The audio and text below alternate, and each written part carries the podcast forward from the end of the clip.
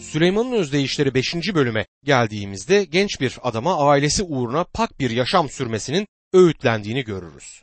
Tanrı'nın verdiği cinsellik eğitimi budur. Tanrı'dan gelen bu eğitimi günümüzde hatta Hristiyan toplantılarında bile işittiğim birçok şeyden daha çok beğeniyorum. Tanrı gelecekteki aile uğruna pak bir yaşam sürülmesi gerektiğini söyler.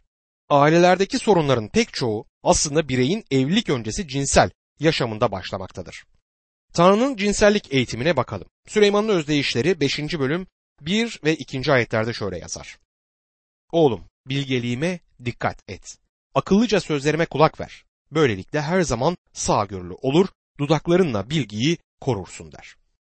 Oğlum bu yine genç adama hitap ettiğini bize gösterir. Bilgelik genç adamı okuluna gelip kendisinden öğrenmeye çağırmaktadır. Bir önceki bölümde uyarı kötü adam hakkındaydı. Bu bölümde uyarı ise ahlaksız kadın, yabancı kadın hakkındadır. Çünkü kadın İsrail'in dışından gelen bir yabancıydı. Genelde Yahudi olmayan birisiydi ve fahişelik yapardı. Hiçbir İsrailli kadının fahişe olmaması gerekiyordu. Yasaya göre böyle bir durumda taşlanması gerekirdi. Ancak İsrail Tanrı'dan uzaklaştıkça ahlaksızlığa gitgide daha çok battı. Böylece İsraillerden bazıları 2. bölüm 17. ayette belirtildiği gibi fahiş oldu. Gençken evlendiği eşini terk eden, Tanrı'nın önünde içtiği andı unutan ahlaksız kadın diyor. Bu durumda kadın yine yabancı sayılır çünkü Tanrı ile olan ilişkisinde yabancılaşmıştır. Süleyman'ın özdeyişleri 5. bölüm 3 ila 6. ayetler arasında zina eden kadının bal damlar dudaklarından. Ağzı daha yumuşaktır zeytinyağından. Ama sonu pelin otu kadar acı, iki ağızlı kılıç kadar keskindir. Ayakları ölüme gider. Adımları ölüler diyarına ulaşır. Yaşama giden yolu hiç düşünmez, yolları dolaşıktır ama farkında değil diyor. Bir cezaevinde kötü bir gangster vardı. Yetkililerden biri bu adamın frengi kaptığını, iyileştirilmediğini ve sonunda delirdiğini söyledi. Ölmeden saçma şeyler bağıran bir deli şeklindeydi. Yetkili bana bu adam birçok kızın mahvolmasına neden oldu ama bunun yanına kar kalmayışı ilginçtir. Bir yerlerde bir kız ondan öc almış oldu dedi. Tanrı sözü burada bu tür bir şey hakkında uyarıda bulunur. Süleyman'ın özdeyişleri 5. bölüm 7 ila 11. ayetler arasında. Oğlum şimdi beni dinle. Ağzımdan çıkan sözlerden ayrılma. Öyle kadınlardan uzak dur. Yaklaşma evinin kapısına. Yoksa onurunu başkalarına, yıllarını bir gaddara kaptırırsın. Varını yoğunu yer bitirir yabancılar. Emeğin başka birinin evini bayındır kılar. Ah çekip inlersin ömrünün son günlerinde etinle bedenin tükendiğinde diyor. Burada genç adama ne kadar büyük bir uyarı bulunur. Burada söylenilenler cinsel yolla bulaşan hastalıkların sonucunun gerçek bir resmini bizlere iletir. Sonunda etle beden tükendiğinde inleme ve acı olacaktır. Şu anda dünyada cinsel yolla bulaşan hastalıklar büyük boyutlara ulaşmıştır. Süleyman'ın özdeyişleri 5. bölüm 12 ila 14. ayetler arasında ise eğitilmekten neden bu kadar nefret ettim? Yüreğim uyarıları neden önemsemedi dersin. Öğretmenlerimin sözünü dinlemedim.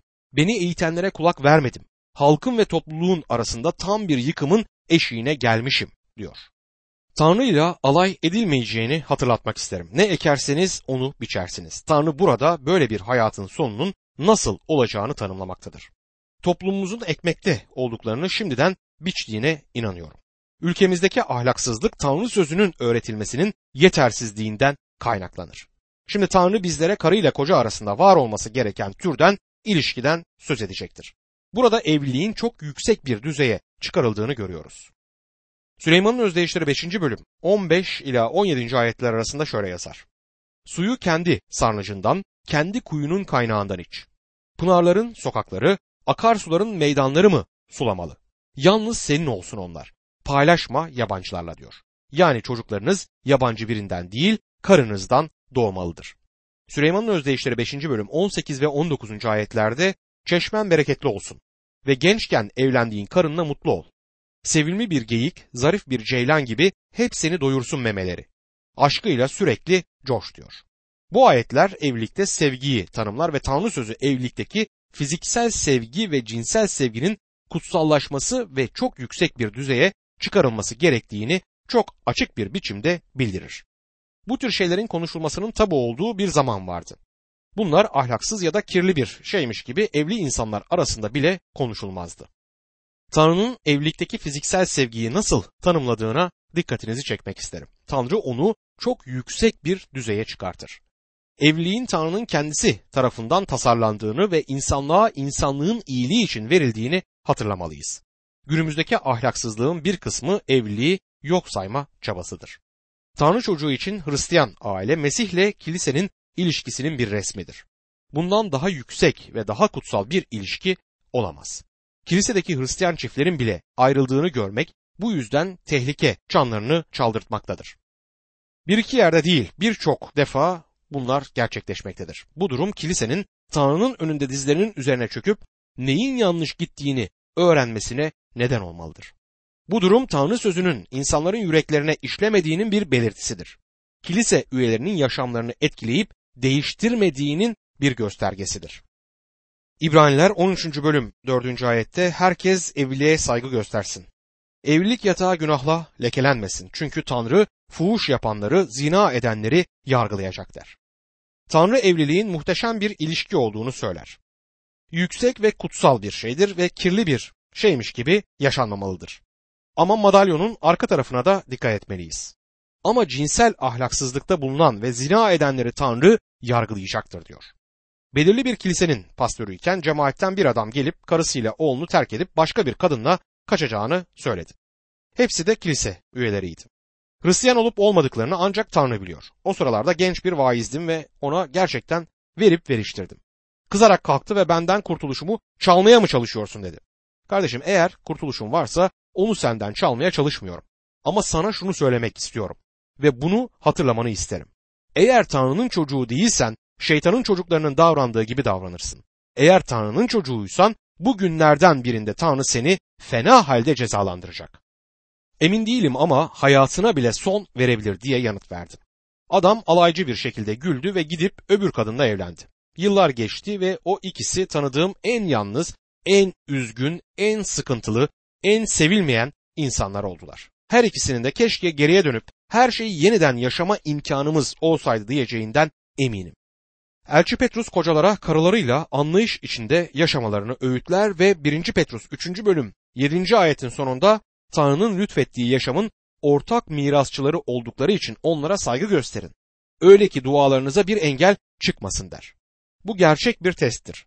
Bir karı koca birbiriyle bu şekilde yaşadıklarında sevinç ve güvenleri olacaktır ve birlikte diz çöküp dua edebilirler ve birlikte sevebilirler. Ve o yuva Mesih ile kilisenin ilişkisini temsil edecektir. Dostum, size şunu söylemek isterim. Tanrı böyle bir yuvayı kutsayabilir ve kutsayacaktır. İşte bu önemli bir nokta. Süleyman'ın özdeyişleri 5. bölüm 20 ila 21. ayetlerde ise Oğlum neden ahlaksız bir kadınla coşasın? Neden başka birinin karısını koynuna alasın? Rab insanın tuttuğu yolu gözler, attığı her adımı denetler diyor. Bu oldukça ilginç bir ayettir. Rab insanın tuttuğu yolu gözler, attığı her adımı denetler. Tanrı'nın bizi her zaman gördüğünün bilincinde olmamız gerekir. Tanrı bizleri her zaman gözlemektedir. Üç vaiz bilardo oynuyorduk ve yanımıza dördüncü olarak bir adam verdiler. Kim olduğumuzu öğrenince yanımızdan ayrılmaktan mutluluk duydu. Bir küfür etti ve hepimizin vaiz olduğunu öğrenince özür dilemeye başladı. Ona kardeşim bize bakma. Bizler de senin gibi üç adamız ama sen her zaman Tanrı'nın önünde öyle konuşuyorsun. Bir bilardo salonunda, bir barda ya da nerede olursan ol bu sözleri Tanrı'nın önünde söylüyorsun dedim. İnsanın yolları Tanrı'nın gözlerinin önündedir. Tanrı'nın yaptığımız ve söylediğimiz bazı şeylerden ötürü epey şaşırdığını söyleyebilirim. Süleyman'ın özdeyişleri 5. bölüm 22 ve 23. ayetlerde kötü kişiyi kendi suçları ele verecek. Günahının kemendi kıskıvrak bağlayacak onu. Aşırı ahmaklığı onu yoldan çıkaracak. Terbiyeyi umursamadığı için ölecek diyor. Tanrı bir sorumluluk, bir hesap gününün geldiğini söyler. Ödeme günü gelmektedir. İnsan günah işlemenin yanına kar kaldığını düşünmektedir ancak böyle düşünmemelidir. Tanrı kimsenin yaptığı hiçbir şeyin yanına kar kalmayacağını söyler. Kendi suçları kötü kişiyi ele verecek ve günahlarının kemendi onu kıskıvrak bağlayacaktır. Süleyman'ın özdeyişleri 6. bölüm birçok değişik konuyu ele alır. Hristiyan olsun olmasın günümüz iş dünyası için yararlı öğütlerle başlar. Bunlar iyi işin ilkeleridir. Gördüğünüz gibi Tanrı ister kurtulmuş olsun ister olmasın bütün insanlığa öğütler vermiştir. Şimdi iyi iş ilkelerine bakalım. Süleyman'ın özdeyişleri 6. bölüm 1 ve 2. ayetlerde şöyle yazar. Oğlum eğer birine kefil oldunsa, onun borcunu yüklendinse, düştünse tuzağa kendi sözlerinde, ağzının sözleriyle yakalandınsa diye başlar. Her zaman için iyi öğüt olan iki şeyden burada söz edilir. Bir arkadaşınız için kefil olma konusunda dikkatli olun ve hiçbir zaman bir yabancıyla ortak olmayın. İkinci ayette adamın böbürlendiğini ima eder. İnsanların başka birisiyle bir belgenin altına imza atmalarının nedeni belli ki önemli biri olmayı istemeleridir. Finans alanında önemli olmak isterler. Bizlerin bu konuda da dikkatli olması gerekir. Süleyman'ın özdeyişleri 6. bölüm 3. ayette o kişinin eline düştün demektir. Oğlum şunu yap ve kendini kurtar. Git yere kapan onun önünde. Ona yalvar yakar. Ona gidip durumu düzeltmekten korkmayın. Dostlarınıza sarılın ve düşmanlarınız konusunda da dikkatli olun. Burada söylemek istediği aynen budur ve bunu başka yerlerde de tekrar edecektir. Süleyman'ın özdeyişleri 6. bölüm 4 ve 5. ayetlerde gözlerine uyku girmesin, ağırlaşmasın göz kapakların. Avcının elinden ceylan gibi, kuşbazın elinden kuş gibi kurtar kendini der. Gidip yatıp uyumayın, durumu düzeltin diyor. Bir belgeyi imzaladıysanız tuzağa düşmüş bir kuş gibi olursunuz. Bu bir uyarıdır. Şimdi olumlu yönü bizlere sunulacaktır. İnsanın işinde yaptıkları, söyledikleri konusunda akıllı davranması gerektiğinin yanı sıra aynı zamanda karıncalardan da bir şeyler öğrenmesi gerekir. Süleyman'ın özdeyişleri 6. bölüm 6 ila 8. ayetler arasında Ey tembel kişi! Git karıncalara bak. Onların yaşamından bilgelik öğren. Başkanları, önderleri ya da yöneticileri olmadığı halde yazın erzaklarını biriktirirler. Yiyeceklerini toplarlar biçim mevsiminde der. Küçük karınca büyük bir öğretmendir. Karınca teyze bize büyük gerçekleri gösterir. Bu gerçeklerden biri iş konusunda çok gayretli ve çalışkan olmasıdır. Bu tanrı çocuğunun küçük karıncadan öğrenebileceği bir şeydir. Karınca yaşamı için en önemli şeyi yapmaktadır. Kış için yiyecek hazırlamakta, gelecek için hazırlık yapmaktadır ve bu konuda da meşguldür. Günümüzde Hristiyanlar arasında büyük günahlardan birisi tembelliktir Hepimizin kendimize boş vakitlerimizle ne yaptığımızı sormamız gerekir. Tanrı sözünü okuyor muyuz? Tanrı sözünü çalışıp etüt ediyor muyuz? Ben tembelliğin günümüzde Rabbin hizmetindeki lanet olduğunu da düşünüyorum. Genç bir adam yanıma gelip bir vaiz olarak işimin bittiğini düşünüyorum. Üç yıldır burada pastörlük yaptım ve artık ne hakkında vaaz verebileceğimi bilmiyorum. Kendimi kurumuş bir kuyu gibi hissediyorum dedi. Tabi ondan sonra çok dindarlaşıp dua ve düşüncede çok vakit geçirdim diye de ekledi. Ona Tanrı sözünde ne kadar zaman geçirdiğini sordum. Onu etüt etmekte ne kadar vakit geçiriyorsun diye sordum. Ondan kesin bir yanıt alamadım ama kutsal kitap etüdü için haftada bir saatten daha az bir vakit geçirdiğini de duydum. İş konusunda oldukça iyiydi ama önemli işler sürekli ertelenirken diğer yandan bazı işler yapılıyordu. Bu genç vaize değişmezsen Rabbin hizmetinden çıkmalısın. Pazar sabahı kürsüye hazırlanmadan çıkmak utanç verici bir şeydir. Tanrı sözünden söyleyecek bir şeylerin olmalıdır dedim.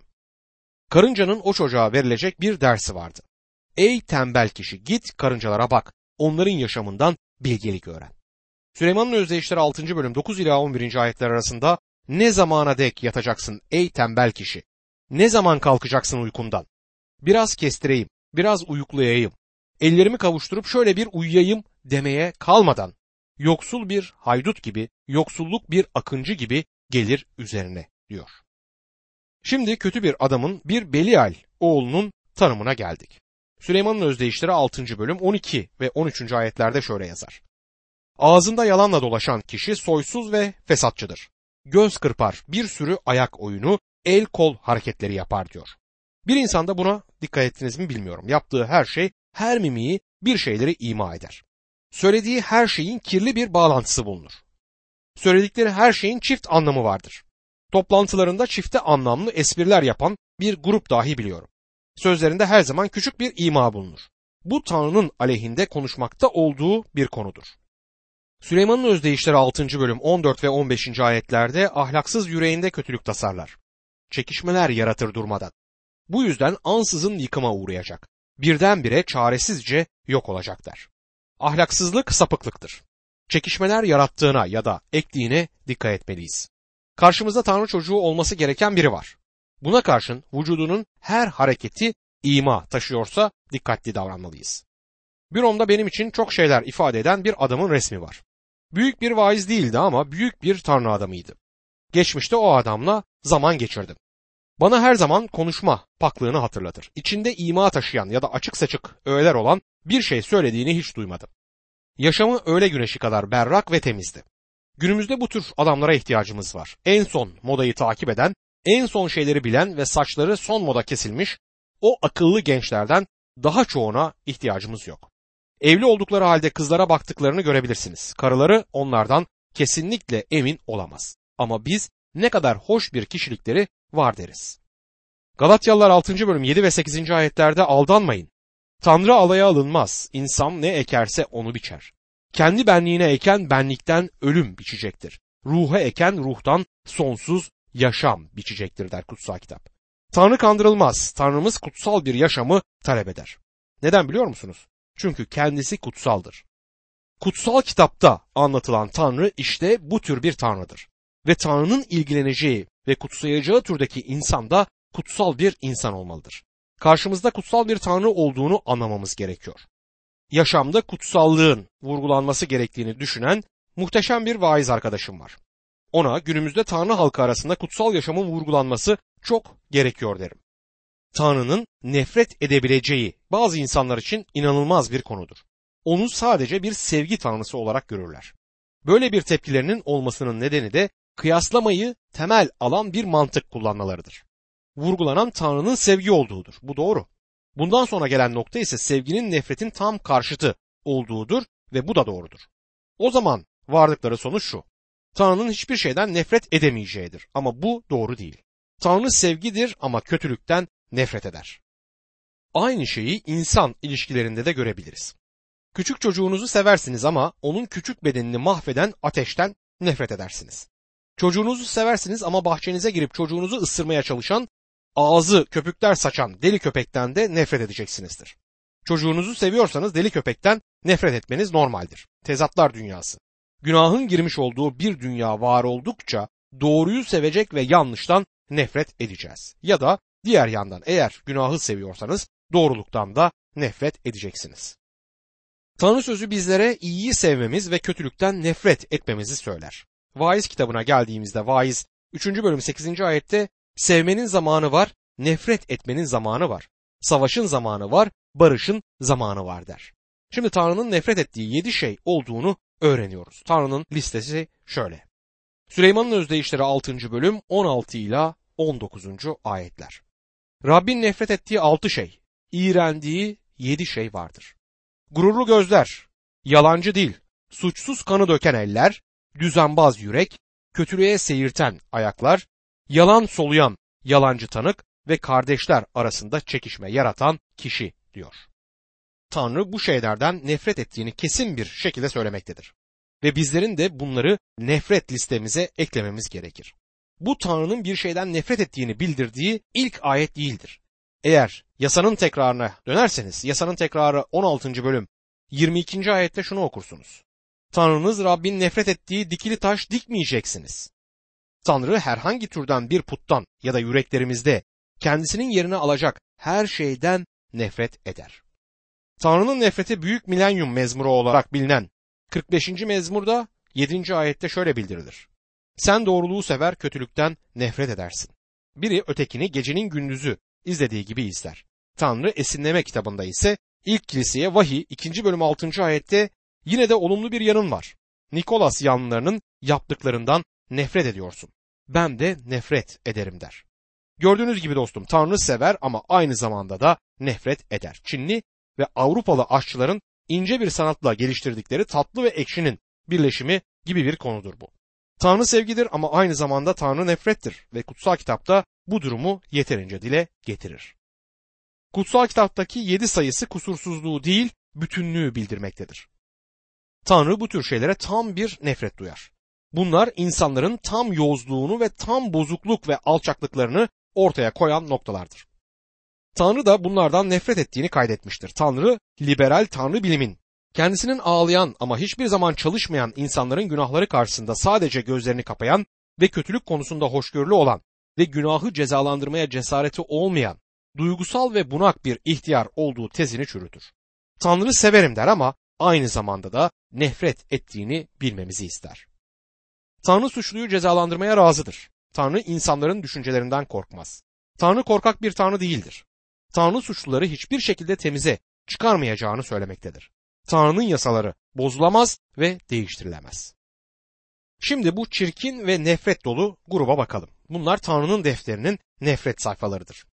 Birincisi gururlu gözler. Harfi harfine çevirisi şudur. Kibirli bakışlar. Bu kendisine fazla değer verip başkalarına yeterince değer vermeyen bir tutumdur. Bunun bir diğer adı da gururdur. Kendinizin başka birisinden daha iyi olduğunuzu söyleyen yürekteki o düşünce, yüzdeki o ifade, yüzün bir dönüşü, gözlerdeki o flaştır. Tanrı ben bundan nefret ediyorum diyor. Bu Tanrı'nın listesinde birinci sırada gelir. Tanrı bunu adam öldürme ve ayyaşlıktan öne koymaktadır. Tanrı gururlu bakıştan nefret eder. Günümüzdeki insanların gururlu bakışlarını sürdürmeleri ve kimsenin bu konuda hiçbir şey söylemeyişi tuhaftır. Cennetteki ilk açık günahın, özgün günahın gurur olduğunu söylemek isterim. Seher'in oğlu şeytan yüreğinde Yaşaya 14. bölüm 13 ve 14. ayetlerde içinden göklere çıkacağım dedin. Tahtımı Tanrı'nın yıldızlarından daha yükseğe koyacağım. İlahların toplandığı dağda Safon'un doruğunda oturacağım. Bulutların üstüne çıkacak, kendimi yüceler yücesiyle eşit kılacağım diye şeytan yüreğinde düşündü. Ve Adem bahçesinde insana gelip Tanrı gibi olacaksınız diyen de oydu. Bütün psikolojik rahatsızlıklar ve psikosomatik rahatsızlıkların arkasında anormalliğin kaynaklandığı bir ağaç gövdesi olması oldukça ilginç. Bunun ne olduğunu biliyor musunuz? Tam bir kişilik olmama durumudur. Önemli birisi olmayı, belirli statü simgelerine sahip olmayı isteriz. Bunlardan biri Tanrı'dan bağımsızlıktır. Kişinin kendi tanrısı olmayı istemesi durumu. Küçük benliği Tanrı haline getirmektedir. İşler aracılığıyla kurtuluşun insanlara çekici gelişinin nedeni de budur. İnsan kendi kurtuluşumu kendim kazanacağım. Bunu kendim yapabilirim. Sana ihtiyacım yok Tanrı der. Hele oğlunun benim için ölmesine hiç ihtiyacım yok. Ben senin huzuruna geldiğimde senin kenara çekilmeni istiyorum. Çünkü ben de senin kadar iyiyim ve şuraya senin tam yanına oturacağım demektedir. Dostum işlerle gerçekleşen kurtuluş düşüncesi psikolojik bakımdan hasta olan insanların ürünüdür. Tanrı gururlara karşı koyar ama alçak gönüllülere de saygı duyar. Yüksek kibirli bakışları aşağı indireceğini söyler. Tanrı Eyüp'e Eyüp 40. bölüm 12. ayette gururluya bakıp onu çökert, kötüleri bulundukları yerde ez demiştir. Rab İsa dağdaki vaazında Matta 5. bölüm 3. ayette ne mutlu ruhta yoksul olanlara. Çünkü göklerin egemenliği onlarındır der.